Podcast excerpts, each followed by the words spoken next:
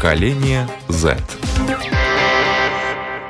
Здравствуйте, с вами Марина Талапина, режиссер программы Даниэля Йоффе. Спасибо, что подписываетесь на нас и смотрите нас и в Ютубе, и на платформах таких как э, Google, Apple, э, Spotify, там все наши подкасты латвийского радио расположены. Конечно, спасибо вам, что не забывайте наш э, сайт lr4.lv. И, как всегда, наши главные действующие лица, которые нам подкидывают темы, это молодые ребята. И в Латвии открылся первый и единственный Балтии TikTok дом Фам Три Хауса. В доме проживают блогеры, и сегодня они у нас на связи. Тук-тук. Кто в ТикТок-теремке живет? А живут рижский пранкер Андрей, привет. Привет всем. Танцор э, Гоша и танцор Ксюша. Привет. Всем привет, всем привет. Блогер Эля. Привет всем. И у нас на связи сооснователь проекта, который Фам Три Хаус, Александр. Александр, привет. Всем добрый день. Давайте рассказывайте о себе, кто вы, что вы, откуда, как вы в этот дом попали. С кого начнем? Наверное, с сооснователя. На самом деле я сам еще в доме не был, скажу вам честно. Я нахожусь, э, вот второй мой партнер, который сейчас находится там постоянно, Роман. Мы там друзья детства и много чего прошли. И тут э, пришла идея. Я сам э, живу в России уже порядка 10 лет занимаюсь разными проектами, достаточно крупный бизнес у нас здесь семейный. И вот с Ромой э, часто общаемся, меняемся какими-то мнениями, заимствуем какие-то концепции, считаем, что определенные бизнес-модели и разные проекты, они могут быть успешны в любой стране. Вопрос только как это там грамотно и правильно выстроить. И появилась такая мысль, э, в том числе мы для себя увидели внутри моей компании в России о том, что э, TikTok это очень интересный продукт, и в принципе соцсети, они стали своего рода э, платформами и достаточно большим влиянием на аудиторию, и почему бы нет, надо этим пользоваться, пришла новая реальность, и сейчас соцсети, такие как Instagram, TikTok э, и другие, являются уже своего рода отдельными выделенными каналами. Вот, и пообщавшись э, с Ромой, мы пришли к такой идее, что почему бы и нет, наша любимая страна находится без единого TikTok-дома, при том, что в других странах это уже активно развивается и, в принципе, имеет достаточно интересные результаты. Вот так появилась идея. Ну да. Ну а дальше замечательные ребята, которые сейчас активно вместе с нами эту историю раскачивают и продвигают. Но и самое забавное и замечательное, что находясь в Латвии, у ТикТок границ нет, правильно? Достаточно да, легко э, можно завоевать э, зрителей в других странах совершенно спокойно. И давайте, ребята, рассказывайте, как вы вышли на Александра, на дома. Кто вас нашел, где вас нашли? Наверное, в ТикТоке. Александр Роман, вот мы там вдвоем. Да. То есть я Андрей, живу в Риге, и начиналось это все с того, то, что я работал в ресторане. Дом, работа, дом, работа. И когда началась пандемия, то я подумал, попробую-ка что-то в ТикТоке, потому что всех отправили домой, то есть никто не работал, только пару человек в ресторане осталось работать. Вот, я подрабатывал курьером и параллельно снимал ТикТоки. То есть в этом мне помогала изначально моя девушка. Мы ходили по магазинам, на улице, снимали различные пранки. Потом команда расширялась, э, ко мне подтягивались друзья. Мы снимали уже втроем, потом вчетвером снимали. Э, потом после очередного пранка э, со слепым мне написал в Инстаграме Марис Бредес написал то, что «Привет, на меня вышел мой сосед, э, так скажем, с проблемой, то, что мы его как-то обидели в этом пранке, и давай встретимся и попробуем решить его проблему». Давайте Я скажем, такой, кто такой Марис Бредес. Марис Может Бредес. быть, не все знают, кто Конечно. смотрит нас, например, в России или в других Известный странах. спортсмен Латвии. Боксер. По боксу боксер, чемпион. Вот. И он мне написал, мы с ним на следующий день сразу встретились. И суть разговора была о том, что вот мы, ребята, собрали свои миллионы, да, было смешно, все прикольно.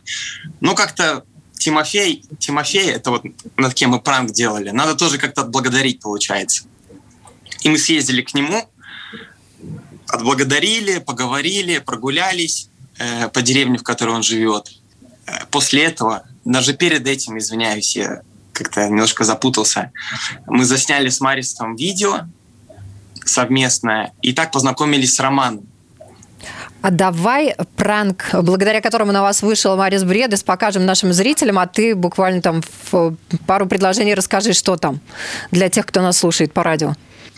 Да, ну суть пранка была такая, то что я в роли слепого, я стоял на углу улицы, и получается, я должен был попросить о помощи.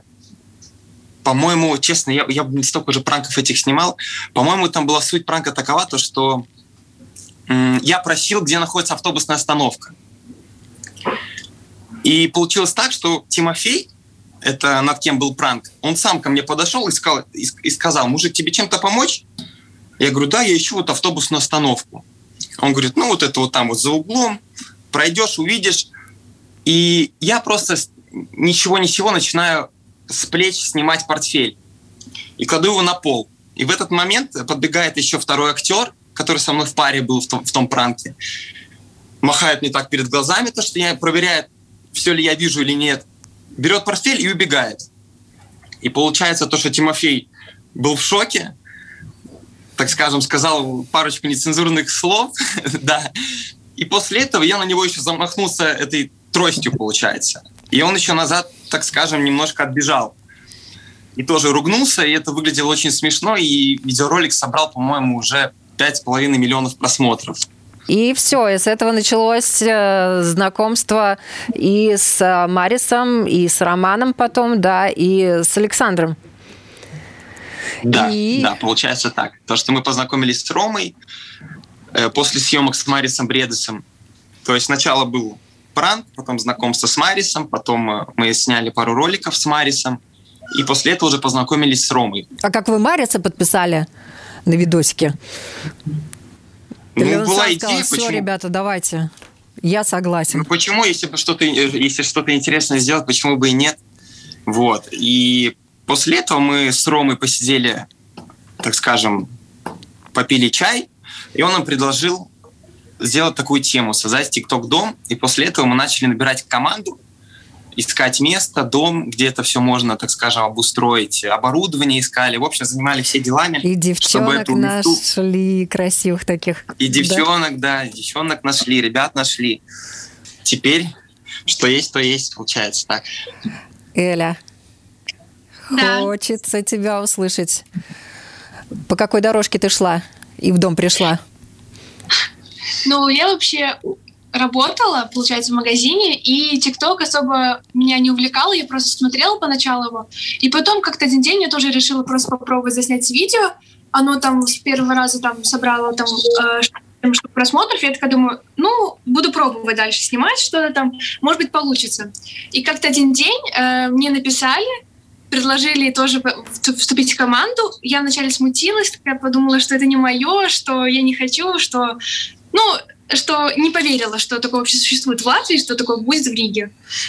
А потом я все-таки пришла на встречу, поговорила с ребятами, пообщалась, обдумала все, и вот я теперь Бросила тут магазин, да? Да, да, вышла с работы, и сейчас вот вместе рожаем новые идеи, снимаем каждый день, да. Я думаю, что это было правильное решение. В магазине упрашивали «останься, останься», какой дом? Какой дом там? Неизвестно, кто в этом доме живет. А я им не говорила даже, куда я ухожу, что и как, что потом сами узнали. Ну, сейчас уже все знают. Ох, ну, ребят, э, танцоров, Гоша и Ксюш прям хочется попросить танцевать. Давайте рассказывайте, как вы танцевали, танцевали и дотанцевались. Ну, давайте, наверное, я начну. В общем, история такая. Мы с Ксюшей танцоры. Э, я танцор, тренер по танцам. Вот. И какое-то время в ТикТоке мы пробовали снимать танцевальное видео. То есть э, на социальных сетях, на платформах э, я уже давно активно выставляю свои танцевальные видео, потому что я профессиональный танцор, ездил на соревнования и прочее. И есть такая стезя, скажем так, в социальных сетях, как вот танцоры. Танцуешь под музыку, выставляешь, люди смотрят, им нравится, и вот такими вещами как бы ты занимаешься. В ТикТоке я выставлял свои видео под разных э, русских исполнителей в основном, танцевальные всякие видео. С Ксюшей мы вместе танцевали, вот. Э, нас часто замечали всякие исполнители российские, там в основном это хип-хоп, рэп, да, что-то вот такое. И в итоге, в конце концов, с Андреем мы были знакомы. Э, Андрей, кстати, тоже бывший танцор, он танцевал брейк-дэнс. Вот, танцевал, да. танцевал какое-то время у меня на студии. И э, в итоге он предложил, ребята, вы классные, у вас все круто, вы круто танцуете, яркие, видные, давайте попробуйте присоединиться к нашей команде, а там уже посмотрим. Вот, поэтому какое-то время в ТикТоке, в социальных сетях мы уже снимали видео, что-то уже было, но какого-то такого большого там охвата, скажем так, не было, и поэтому не было такого упора на это. Ну вот и такая ситуация сложилась, то, что мы плотно и упорно начали заниматься ТикТоком. Мне часто говорили друзья, я также тоже музыкант, тоже часто говорили, друзья, надо делать ТикТок под свою музыку, под другую музыку, танцевать, танцевать, набирать людей и как бы развиваться в этом направлении. Вот так вот, наверное. Да, мы присоединились, да, присоединились к ребятам. Так вот нас позвали вместе. Э, Ксюш, ты не раздумывала, да? Нет, конечно, я загорелась сразу, мне это очень понравилась идея, потому что, правда, такого у нас вообще нету, и такая возможность, новый коллектив, да еще и занятие такое крутое. Не знаю, я сразу загорелась и сразу сказала, да, конечно, давайте, мы будем только... Ну, я должна вам признаться, я в теме, но не глубоко погружена. И у нас были ребята, вы не первые, кто из ТикТока к нам пришли, но вы первый дом, естественно, в странах Балтии. У нас были Latin Sisters, я думаю, вы знаете их, да. У нас были еще классные тиктокерки. И я предлагаю для того, чтобы люди, которые вообще не понимают, что такое дома ТикТок, посмотрели сюжет, который подготовила Анна-Мария Ивана, и немножечко просветились на эту тему. Что такое ТикТок? Это социальная платформа, которая насчитывает на сегодняшний день полмиллиарда пользователей. Приложение скачивают для того, чтобы создавать и обмениваться короткими видео, пранками, следить за своими кумирами. Четверо из десяти тиктокеров – люди в возрасте от 13 до 24 лет. Есть там народ и младшего возраста, и те, кто постарше. Блогеры Latvian Sisters в программе «Поколение Z» рассказали, как им ТикТок помог стать популярными. Мне всегда хотелось что-то организовать. Я помню, я там в техникуме придумывала сказку, ее снимала там. Ну вот мне это нравилось, но я тоже не думала, что это вот так может как-то... Да. Как хобби. Ну, да. просто тебе это нравится, ты это делаешь. Что же такое TikTok House? Под одной крышей собирают от 10 до 20 молодых, часто уже популярных тиктокеров. Они живут в одном доме и производят контент, снимают видео, пранки, трюки, челленджи, которые заливают в сеть. Первый тиктокерский дом Hype House появился в США в 2019 году.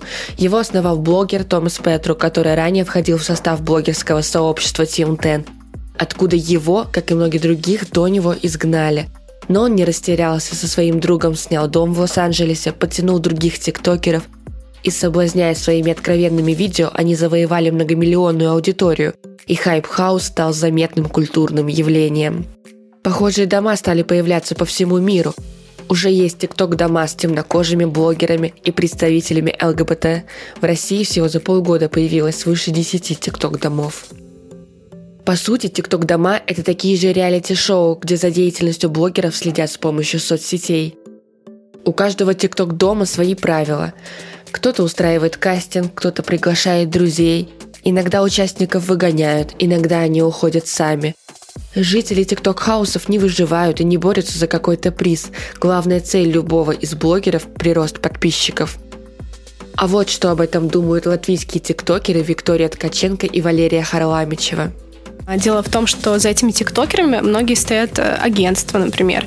Или есть такие дома э, тиктокеров, где они реально Сколько их коллаборации делают. Дома это То есть, тема. Да, потому что если есть миллионник, значит, у него есть другие друзья-миллионники, которые его поддерживают и тегают в этих видео.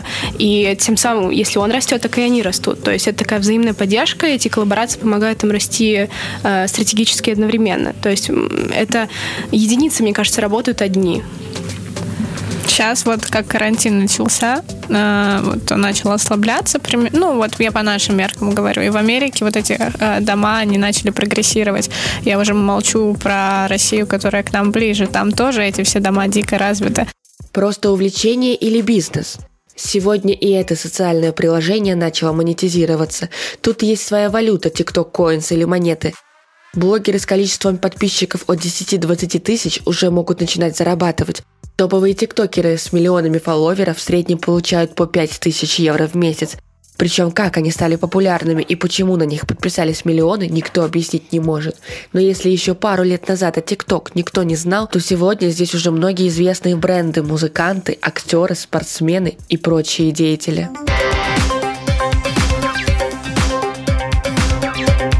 Поколение Z.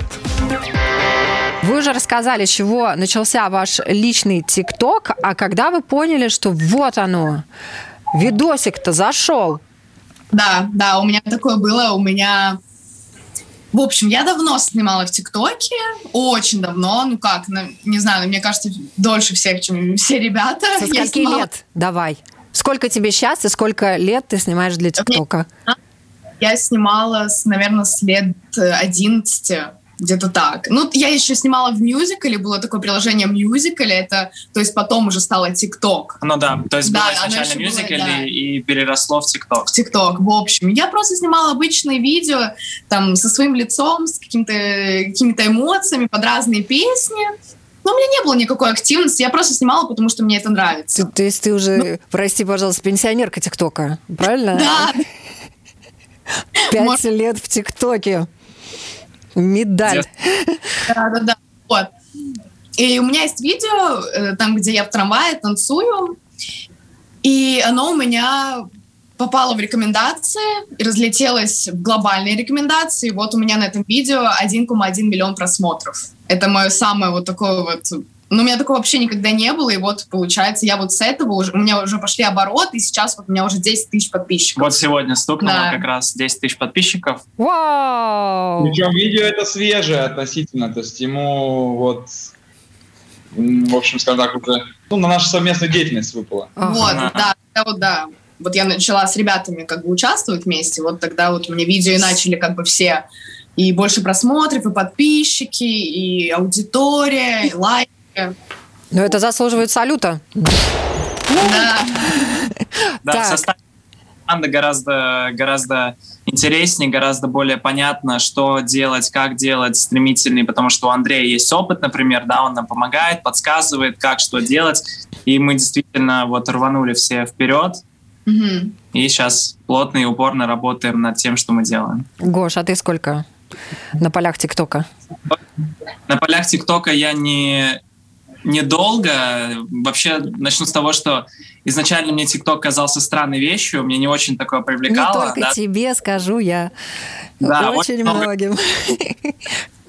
Нравилось или еще что-то такое, да, но потом я просто понял, что не надо ни в чем сомневаться, ни о чем не париться, использовать свои таланты на максимум, потому что это действительно возможность с кайфом, с удовольствием э, просто заявить о себе, показать, что ты умеешь, свои таланты, свои какие-то способности, свою яркость и как бы открыться миру, скажем так, потому что это помогает э, тебе как-то стопроцентно развиваться. То есть ты не просто снимаешь видео и стоишь на месте, да, ты работаешь над своей мимикой, над лицом, над э, своей подачей, да, над эмоциями. То есть ты становишься реально артистом это уже немного больше, чем просто снимать видео, да, ты начинаешь понимать всю ответственность и осознанно подходить к этому делу, потому что осознанные люди делают действительно очень большие крупные успехи в таких вот моментах.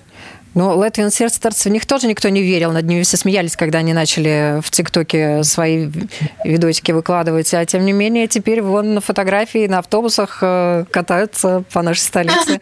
Замечательно. Это то, что я сказала, ТикТок – это новая реальность. Просто некоторые ее не принимают еще пока, но на самом деле уже, я бы сказал, поздно. Надо было Некоторые уже опоздали, да, я согласна. это уже как бы данность. То есть э, сказал человек, который с прицелом бизнес э, э, эту тему развивает. Это тоже говорит само за себя, правильно?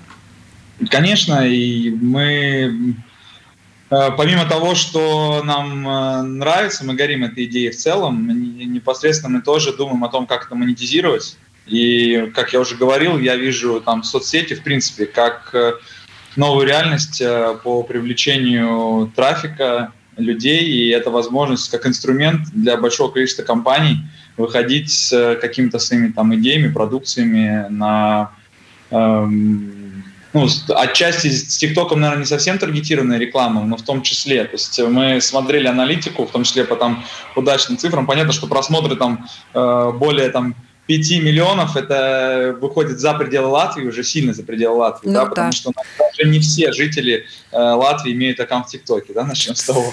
Вот, э, и мы видим там определенную аудиторию, но аудитория, в том числе там у ребят, э, э достаточно хорошие показатели по латвийскому рынку, и, например, э, как э, там брендодержателю, либо как э, какой-то латвийской компании, это отличная возможность повзаимодействовать и выйти на латвийский рынок, ну, в каких-то аспектах, причем достаточно, на мой взгляд, быстро и очень быстрое соприкосновение происходит. Александр, mm-hmm. а пранки сам какие-то пробовал в ТикТоке выкладывать?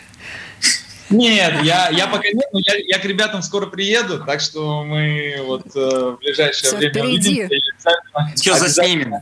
Обязательно заснимем, конечно. Я в этом плане легок на подъем, поэтому э, без проблем. А, мне, причем я могу сказать так, для меня эта тематика, то есть я не отстранен, но для меня это тематика ТикТока, то есть я совсем из другого бизнеса, скажем так, в принципе. Ну Просто мне понравилось. уже колись, пожалуйста, ты несколько раз сказал, я прям А у нас э, семейный бизнес, э, мы сами из Латвии с отцом, э, мы основали свой товарный знак, и производим кухонную технику в России. Мы один из крупнейших брендов России.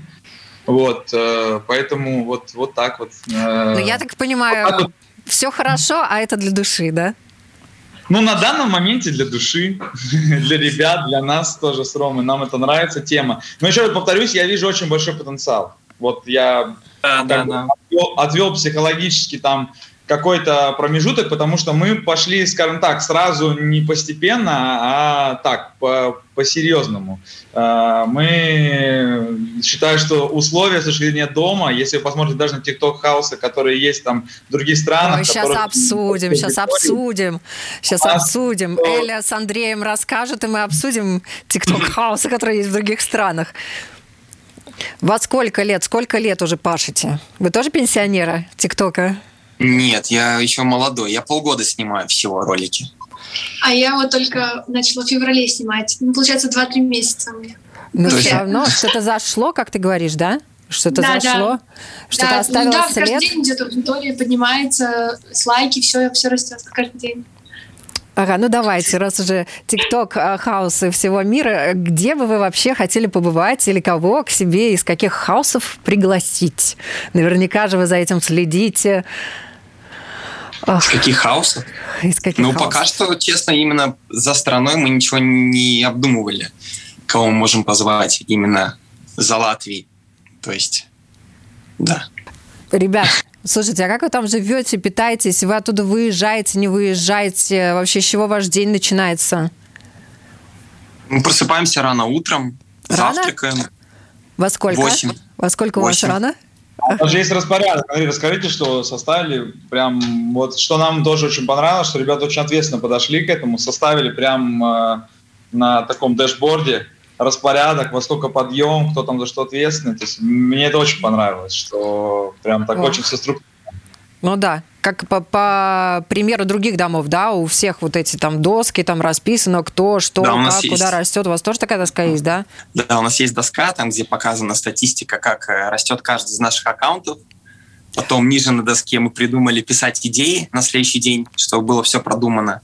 То есть э, каждый из участников знает, что он будет снимать завтра. Вот, э, написали правила дома, то есть что можно сделать, что, что нельзя делать во сколько подъем, обед, время для съемок. Э, вечером мы проводим свечку, это получается мы обсуждаем, как прошел день, что так, что не так прошло. А во сколько ложитесь? Отправляем какие-то... Ложимся где-то к 12, я думаю, мы ложимся. Слушай, а если девчонки не встают, такие, а, ну давай еще полчасика поспим, бывает такое? Не, ну, конечно, иногда бывает, но мы делаем выходной. То есть тоже, мы же не робот, там тоже отдохнуть надо. Не, но если это не выходной, пинки какие-нибудь, там водяные э, всякие разные процедуры, не? Нет, у нас пинков нету, потому что каждый знает, что для чего он тут, с какой целью. Поэтому нет такого, что кто-то кого-то заставляет делать. Давай снимать видео, давай вот идем это сюда. наша латвийская молодежь, потому что вот мы такие ответственные и работоспособные, правильно? И творческие. Да. Да? Вот. Да. Так, хорошо. Э, сколько уже видосиков снято? Пранков и всего остального? Ну, точно не могу сказать. Наверное, видосов 150 примерно. Помимо вашей компании, да, Рома Александр, кто-то еще помогает? Там, в каком плане? Камерамен. Или вы все друг у друга камерамены? На данном этапе Монтаж. ребята организовали, организовали сами весь э, процесс. Весь процесс. Да, естественно, мы привлекаем э, на определенные задачи там людей по там, продвижению и так далее. Хотя сейчас в основном растем органикой. То есть никаких инструментов там финансовых мы не используем вообще. То есть не, не ТикТоке это еще возможно, да? ТикТок как раз таки это самый, это, наверное, самый основной канал, где можно вырасти органикой. И уж Андрей точно это подтвердит, потому что, э, да не только Андрей, у всех ребят, еще раз повторюсь, что вот э, ролик может, ты можешь просто взять, э, загрузить его вечером, все спокойно, но э, утром просыпаешься, у тебя уже миллион там, ну, либо там просто какой-то стремительный рост. Ну, просто да. ну, кому-то зашло, попал в рекомендации и все. Ну, пока и... еще многие об этом говорят, да, наши девчонки-тиктокерки тоже об этом говорили. Слушайте, ну, хорошо, я вам сейчас задам вопрос э, с высоты старшего поколения. А что же ваши родители? А как они отреагировали? Мама, Слушай, я ну, ухожу из магазина. Давайте у ребят. Да, у ребят, наверное, да, да, да. Эля, да. Не уходи. Миленькая, подумай, зачем тебе это? Не, не, мама сказала, если мне это интересно, если я сама хочу это, и что я могу попробовать, ну, что новое. И она как бы очень хорошо как поднеслась, не было такого, что меня остановила, еще что-то.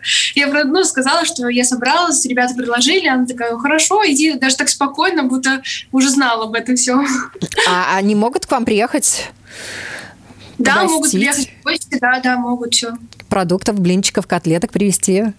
У вас нет правил, что это, это просто так сжать, как будто как тюрьма. Какой у вас нет, ну, конечно, нет. Ограничения это вызваны сегодня из-за ковида, из-за коронавируса, да? Да, да. Я только в связи Если... с этим спрашиваю, конечно. Вы что, я же понимаю, что вы не, не прицеплены там наручниками, все нормально, да? Ну, да. вы можете, конечно, пранк снять, я думаю, что он зайдет. Такие все сидят в домах. Слушайте, меня прет тоже идеи всякие разные креативные, начинают из меня лезть, когда я общаюсь с тиктокерками и с тиктокерами. Это уже не первый раз я замечаю за собой. Хорошо. Ребят, давайте. Э, у Эли все нормально. Мама поддержала. Андрей, твои родители. Что они, как они? Сынок, ты где? Да мои родители. Я дома. Да нет, я и так уже, в принципе, давно один живу, без родителей, поэтому родители сказали, пробуй, если тебе это нравится. А так как сейчас все пошло, то наоборот они рады за меня, они рады, то, что вот так вот все идет, то, что э, как-то люди реагируют на это тоже позитивно, потому что поначалу было непонятно, даже я сам не понимал, я это, ну, хорошо то, что я делаю или нет. А со временем начал понимать, то, что людям это нравится, то, что люди на это как-то тоже позитивно реагируют. Поэтому я считаю, то, что я на правильном пути. Вот, и родители тоже меня поддерживают, конечно. Гоша, Ксюша. Так, ну, у меня такая история, то, что у меня все было очень просто. Я давно занимаюсь подобного рода деятельностью всевозможной. Я, как я уже сказал до этого ранее, там танцы, музыка. А и... ты уже совершеннолетний, да? Да, да, да, да, да. Мама мне сказала, рви по полной программе, это твой шанс, да, то есть не было такого, что там, ну, если тебе нравится, еще что-то. Она знает, что мне нравится, и сказала просто дерзай, жизнь одна, поэтому все в твоих руках. Вот такая вот история с родителями. То есть все в семье поддержали, все в семье ахнули, охнули, как здорово, как круто, давай. Это, это очень приятно, и поэтому все как бы здорово на этом фронте. Я почему-то жду Ксюшиной истории, не знаю почему. Ну так, начнем сначала. Поначалу моя мама но она вообще не знала, что такое ТикТок, ну так в общем и целом. Она знала, что есть разные социальные сети, еще что-то. Но не знала, что такое ТикТок, что есть ТикТок-дома, вот вся, всякая вот такая вот платформа. А кто-то из родителей вообще знал, что есть э, ТикТок, есть ТикТок-дома? Я думаю, что... Моя мама, думаю. Моя мама в теме, то есть она уже изначально... Как... У меня тоже... Да, Прокачана, да? Ксюша, извини. Ну, все хорошо, продолжаю. Ну вот, э, я как бы поделилась этой информацией с мамой, своими новостями. И не скажу, что у нее была плохая реакция, нет, у нее была очень положительная реакция, но у нее были, можно сказать, сомнения, что так как она не знает, что это, как это, она вообще сказала, что это дом 2. Вот, да. вот все родители, все родители почему-то, да, воспринимают Потому что все родители, наверное, выросли на этих домах. Вот-вот, и они не, не особо осознают, что это такое вообще. Но когда я уже начала показывать результаты, начала показывать, что я правда занята делом, что у меня идет и активность, что мне это интересно в первую очередь, мне самой это нравится. Мои что родители... ты не пьешь, не куришь при этом, да, что ты все под присмотром старших товарищей. Да, да. вот мама очень положительно относится и к ребятам, и ко мне, и ко, ко всему этому, в общем. А вот. она сказала, ну, если Гоша, ну, ладно. Было да, такое, так... да?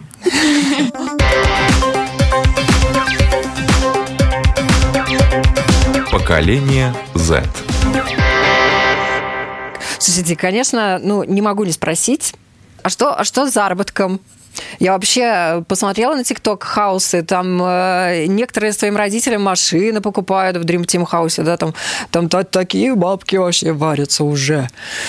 Ну, это то, о чем мы говорим, о перспективах. В любом случае, мы сейчас идем э, чуть-чуть другим путем, потому что э, если говорить про те же самые TikTok-дома успешные, там американские, российские, в Казахстане есть очень хороший, они э, образовывались уже на базе, вот есть... Э, Э, успешные ребята с определенным количеством э, аудитории, они объединяются воедино и начинают вместе друг с другом эту аудиторию свою наращивать. Там у одного миллиона, у другого миллион, она начинает перекрещиваться, и у них совместно там идет кумулятивный рост. В нашем случае пошли немножко другим путем, потому что ребята, вот вы слышите цифры, которые есть у них сейчас, да, это путь развития. Но еще повторюсь, мы идем прям такой органикой, и это еще пока не использовали все различные инструменты, потому что в ТикТоке есть свои алгоритмы, есть свои способы продвижения. Тут есть целый клабхаус, и я думаю, кто-то сталкивался. Там целые отдельные комнаты по тому, как э, как монетизировать ТикТок, как его развивать и так далее. То есть это, я говорю, вообще ну, отдельная да. наука. Когда к этому ну, прикоснулся, я подумал, блин, сколько всего мы еще не знаем. Ну, вот, да. Поэтому про монетизацию на данном этапе у нас есть несколько идей, мы их пока, наверное, рассказывать не будем. Мы... Не рассказывайте, не, не, интересно, интересно, ты повязал ребят какими-то контрактами, я знаю, что в некоторых домах там по 7 лет ребятам с 15 до 22 они уже обязаны отпахать. Э, у нас, у нас предварительные договоренности есть понятийные сейчас с ребятами, но я что мы вместе Э, пока там за определенную идею. И я как бы считаю по многим вопросам, что пока двум интересные типа пути, они будут идти вместе. Пока двум или более. Как только интересы расходятся, э, это бессмысленно, нет смысла там удерживать. То есть я, безусловно, хотел бы в данной ситуации, наверное, чтобы мы себя как инвесторы там обезопасили каким-то образом, потому что ближайшее там какое-то время это значит инвестиции, только инвестиции, да, и там э, а, получать обратную там, финансовую выгоду не, так быстро, да, потому что говорю, мы немножко другим путем пошли. Вот, э, но ну, мы как бы так в процессе обсуждения находимся, и вот я в ближайшее время буду в Латвии, думаю, еще раз все вместе уже с глаза на глаз вместе сядем и подумаем. А, а, а, а, чего вы там кушаете? Кто готовит, мальчишки или девчонки? Конечно, девочки девочки, да. О, да, припахали. Мальчики убирают потом. Все по-честному. Все по-честному? Да, у нас все по-честному. Мальчики посуду моют в посудомойке, да? Нет, почему? Не всегда. Чаще, чаще руками. Руки лучше работают, чем посудомойка. Хорошо. Э, в серьезных э, домах, хаусах, тикток-хаусах ну, бывают звезды. Я думаю, что вы про это тоже думали. Вот кого бы вы хотели пригласить? Из Латвии, из России у нас тоже ребят приезжают. Ха. Сейчас ну, про Россию мы сейчас не смотрим и не думаем на данный момент вообще, в принципе. Хотя и, и там аудитория неплохая, в том числе у ребят и охваты. Просто ввиду всех как бы наложившихся сложностей сейчас там по перемещению, мы об этом не думаем. Есть определенная стратегия по развитию именно на латвийских. Ну хорошо, мечтаем о латвийских звездах. Вот кого бы хотели пригласить? Я думаю, что Марис Бредис э, к вам однозначно должен приехать. Чего нет? С ним и, и, и да, конечно, чего бы и нет. Mm-hmm. Я думаю, и, и, и увидимся обязательно все. Ну, а кто-нибудь, девчонки, кого бы вы хотели увидеть? Ой. Ну, Ноэля. Не знаю, думали, может, Дженни Боя. Ага. Засмущалась, засмущалась. Почему засмущалась? А мне кажется, все реально на самом деле. Ксюша, ты кого? Вот не знаю, не было таких еще пока что мыслей, кого звать к нам. У нас есть э, такие коллабы. Мы думали, кстати, тоже Latvian Sisters к нам, может быть, как-нибудь на какое-то пару видео, что-нибудь вместе с ними интересное придумать, заснять. Вот. Я думаю, Лайма Вайкуля. Да, тоже Лайма Вайкуля. Неплохо. А Раймонд Паус работает на латвийском радио. Он уже работает здесь больше 50 лет. Это, конечно, наша гордость. У нас даже маски есть с Раймондом Паусом. Это наше все, я согласна. Это, конечно, удовольствие общаться с таким человеком. Вообще, конечно, э, тема интересная, тема актуальная. И понятно, что э, развитие ТикТока, оно автоматом там развитие в Инстаграме у многих э, получается. И это Сейчас уже вообще все уходят в социальные сети, социальные сети э, перекрестная реклама и так далее, перекрестная э, рост есть. Вообще, чего бы вы хотели, сколько бы лет вы хотели вот отдать всему этому? Александр, закройте ушки, вы как бизнесмен, вы в это вкладываетесь. Ребята такие, ну нам бы пару недель, да? На самом деле, на самом деле, э, наверное, в такие моменты перестаешь что-то загадывать, э, и хочется просто насладиться в первую очередь процессом. Э, мы все прекрасно понимаем то, что если все получится, то придет и успех, и все прилагающееся, да, то есть э, как, как, как судьба поведет, но на данный момент пока что ты даже не задумываешься о том, сколько лет, еще что-то. Опять же, это не какая-то каторга, это кайф, это здорово, это опыт, и вот, конечно, жизнь все расставит на места. Поэтому мы на данный момент собер... ну, не намерены, по крайней мере, точно останавливаться, идти только выше и выше и выше, и впереди будет видно, что там. Ну, некоторые э, тикток-звезды в домах, они приезжают как на работу в дома, да, там самые богатые в том числе, да, они приезжают уже как на работу, все обеспечивают родителей, кучу денег зарабатывают. Ну вот э, у вас какие свои цели тоже, и через сколько бы вы хотели уже достичь, достичь э, какого-то уровня и какого? Ксюш? Ну, я, я могу, мне кажется, даже за всех тут ответить. Это Давай. такой вопрос Э, сложно загадывать. Я думаю, что все скажут, я хотел бы а мечтать, мечтать. А почему сложно мечтать? Надо, надо не мечтать, надо делать просто. А не ну, мечтать. Вы же делаете каждый день, каждый день делаете. Ну вот все, когда вот, э, ну, какая цифра э, там, я не знаю, просмотров и всего остального должна быть, когда ты все, вот сегодня у тебя выходной? А нет такого. Всегда да. есть, когда даже когда большие цифры, хочется еще больше расти и снимать видеоролики. Да. Нет такого, что останавливаемся, что не хотим снимать больше. Наоборот, после этого еще больше хочется снимать видео, чтобы они еще больше перебили тот рекорд, который у тебя есть, и постоянно снимаешь видео, видео, такой, давай, пожалуйста, пускай еще будет больше. Слушайте, а вас... люди по натуре азартные, ну, где-то, и поэтому любые, когда ты видишь, вот не случайно пишутся на доске эти графики, да, мы их э, визуализируем, смотрим на них, и каждый день, видя вот эта точка, хочется подняться чуть выше. Та же самая история и с показателями. Там и с доходом, и с э, какими-то абсолютными цифрами в виде там просмотров, лайков, да, ты получил там миллион, ну что, кто скажет, что я не хочу теперь два сделать? Я думаю, нет таких, да, вот э, после первого. Все время хочется, чтобы сделать такое, чтобы был следующий новый шажочек. Ага. А миллион Поэтому... евро или миллион рублей? Миллион просмотров. Вот, а, а еще повторюсь, мы сами, мы когда, мы когда заходили и начинали эту историю, я сам до сих пор не могу а, ни, ни границы, потому что не хочу ставить, ни цели, ни задачи, вот там как бы вот какой-то, к чему надо прийти. Вы вот спросили, сколько бы ребята хотели себе отвести в этой истории. При этом вы сказали, что Раман Паус 50 лет работает на радио. Э, и на радио лет, в том правильно? числе. Но он ну, же еще и композитор, да. Само собой. Я, я просто про другое, что деятельность это приносит удовольствие, если там 50 лет человек занимается любимым делом. Мы же не знаем, как сложится каждого из нас судьба, и, быть может, э, вот история с ТикТоком, развитие, она может перерасти все что угодно. Сейчас ТикТок в обучающие форматы перерастает очень активно. Ну. И если э, ТикТок это просто инструмент, который дает возможность развиваться в любом направлении. Поэтому если ребятам э, и всем нам будет интересно развиваться по пути дальше, я считаю, что время вообще не надо отводить. Ребят, фанаты у вас же уже тоже есть, правильно? Да. А да, что есть. они вам пишут, Ксюш, давай?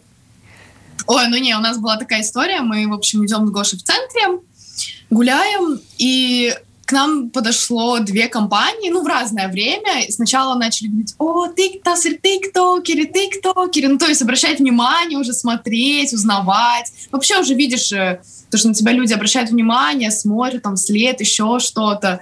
И вот вторая компания к нам подошла и спросила, а какой у вас ТикТок, где вас можно посмотреть? Ну, то есть уже на улицах узнают, и это так круто. Да, Просят сфотографироваться тоже, да. да.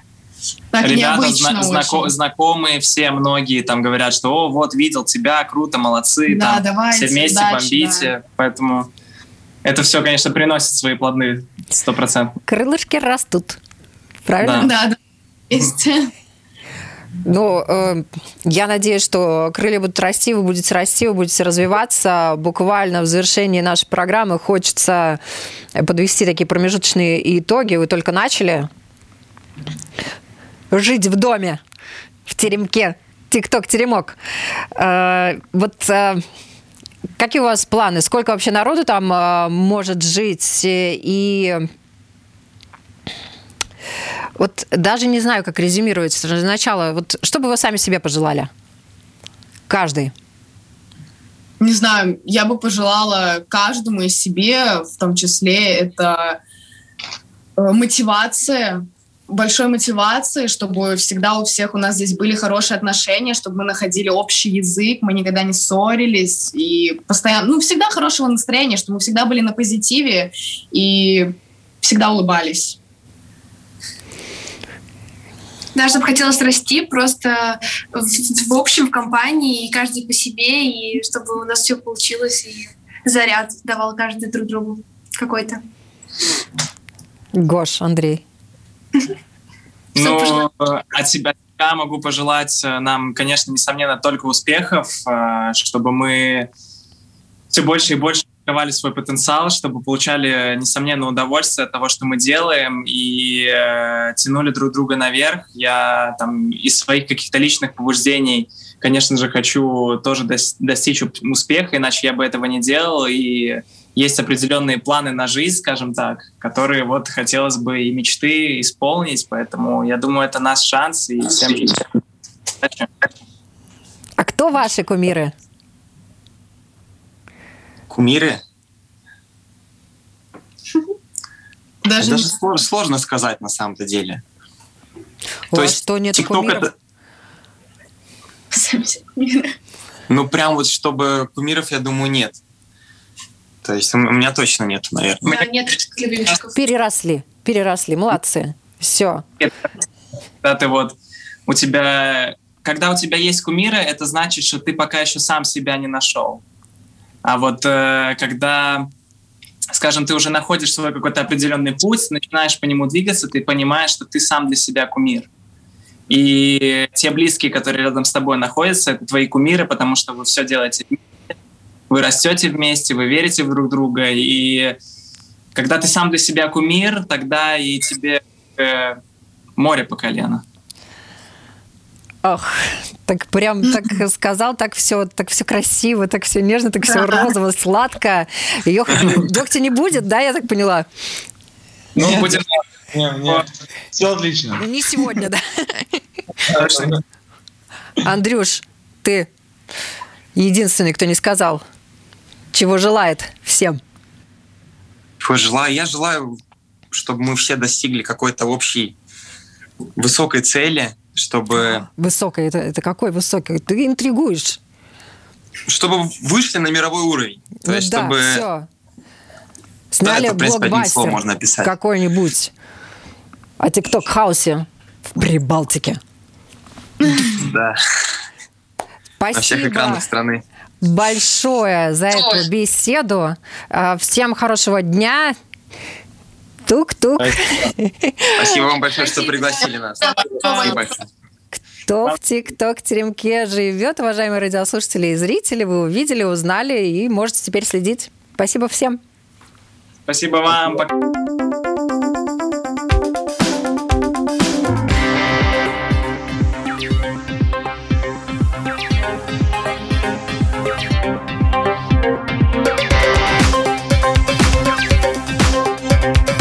Поколение Z.